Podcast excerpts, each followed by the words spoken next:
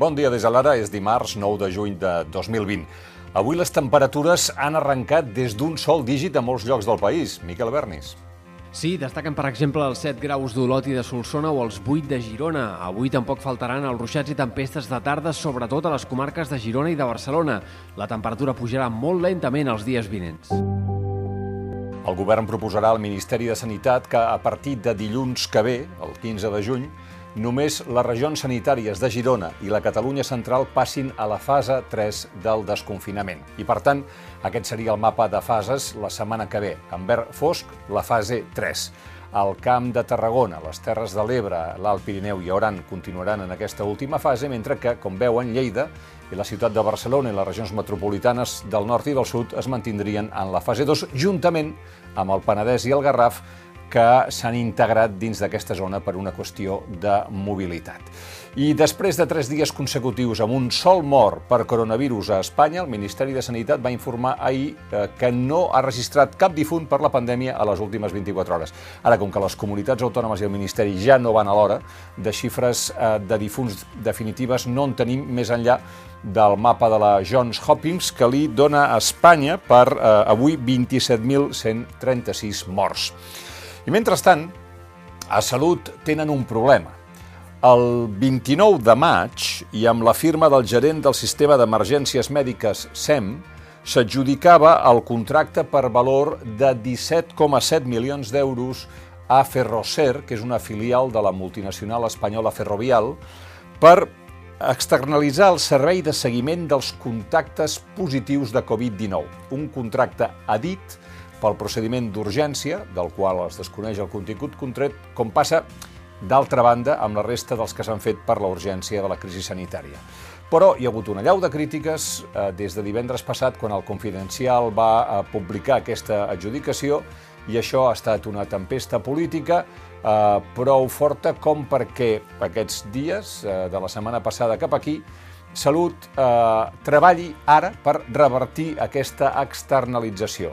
L'anunci no el va fer la consellera Vergés ni ningú del govern, sinó la portaveu d'Esquerra, Marta Vilalta amb un programa públic de persones que puguin treballar per preparar-nos, per fer el seguiment i l'acompanyament a les persones que han donat positiu pel, pel Covid des de l'àmbit públic i no que ho faci doncs, una empresa vinculada a l'IBEX 35. Per tant, tot i haver-ho fet correctament, ens hem conjurat per poder buscar les alternatives, revertir aquest eh, contracte, aquest allargament d'aquest contracte que fins ara gestionava doncs, el 061 i, i fer-ho doncs, d'una manera molt millor, que entenem que és millor doncs, tant per la ciutadania com per la pròpia gestió de la Generalitat de Catalunya.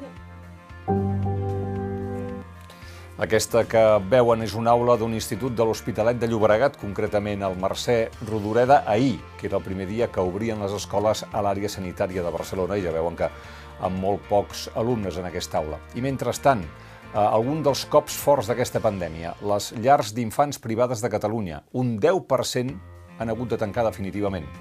Es tracta de 50 escoles bressol eh, no integrades a la primària, suposa 2.500 places de llars infantils que no existiran al setembre i l'extinció de 1.200 llocs de treball. Avui, a la portada de l'Ara, hi tenim Josep Lluís Trapero, saludat per un mosso, a la sortida del Palau de Justícia, on el cap de la policia, eh, a l'octubre del 17, va sentir la petició dels fiscals. Ja no l'han acusat de rebel·lió com inicialment volien, m'hauria tingut sentit quan els presos polítics els van condemnar per sedició, però Trapero sí que l'han eh, acusat de sedició, i això serien 10 anys de presó, i perquè no l'absolguin en cas que el tribunal no vegi la sedició, que no és descartable, han demanat condemna per desobediència que no comportaria entrada a la presó. I un altre que diuen que pot tenir problemes és el rei Joan Carles de Borbó. Un fiscal en cap del penal eh, del Tribunal Suprem l'investigarà sobre les presumptes comissions pagades en l'adjudicació del tren d'alta velocitat entre Medina i la Meca, una adjudicació que va tenir lloc l'octubre del 2011 per valor de 6.736 milions d'euros. Una de les persones possiblement implicades en aquella operació, eh, datada després del juny del 2014, és el rei Joan Carles, quan ja no era rei i, per tant, estava fora de la inviolabilitat que la Constitució espanyola reconeix al cap de l'Estat. El pare del rei Felip i la seva examat Corina Larsen haurien d'anar a declarar. Diari 16 publica avui un secret a veus i és que Joan Carles de Borbó podria instal·lar-se a, a partir d'ara en una urbanització de luxe a la República Dominicana. Bé, i el rei Felip, que havia de ser el beneficiari, l'hereu dels diners del seu pare, què en diu de tot plegat? España somos un equipo. Todos los españoles, los 47 millones, somos un gran equipo y necesitamos superar esta crisis apoyándonos en esos valores que os definen a vosotros, los deportistas. La Mònica Planes fa la crítica de com van donar i la notícia a les teles espanyoles. Ella diu que de manera clara i objectiva, però que no era la manera en què van parlar quan la Fiscalia investigava altres casos. No us podeu perdre de debò l'article de l'historiador Joan Beculla amb què amb una ironia il·lustrada i demolidora se'n riu de la caverna mediàtica que ha intentat comparar el coronel de la Guàrdia Civil Diego Pérez de los Cobos amb el capità francès Alfred Dreyfus, que va arribar a ser desterrat a l'illa del Diable. Acabem aquí recordant que avui, 9 de juny, el president Jordi Pujol fa 90 anys. En parlarem a l'anàlisi de l'actualitat. Gràcies per seguir les claus del dia i que tingueu un bon dimarts.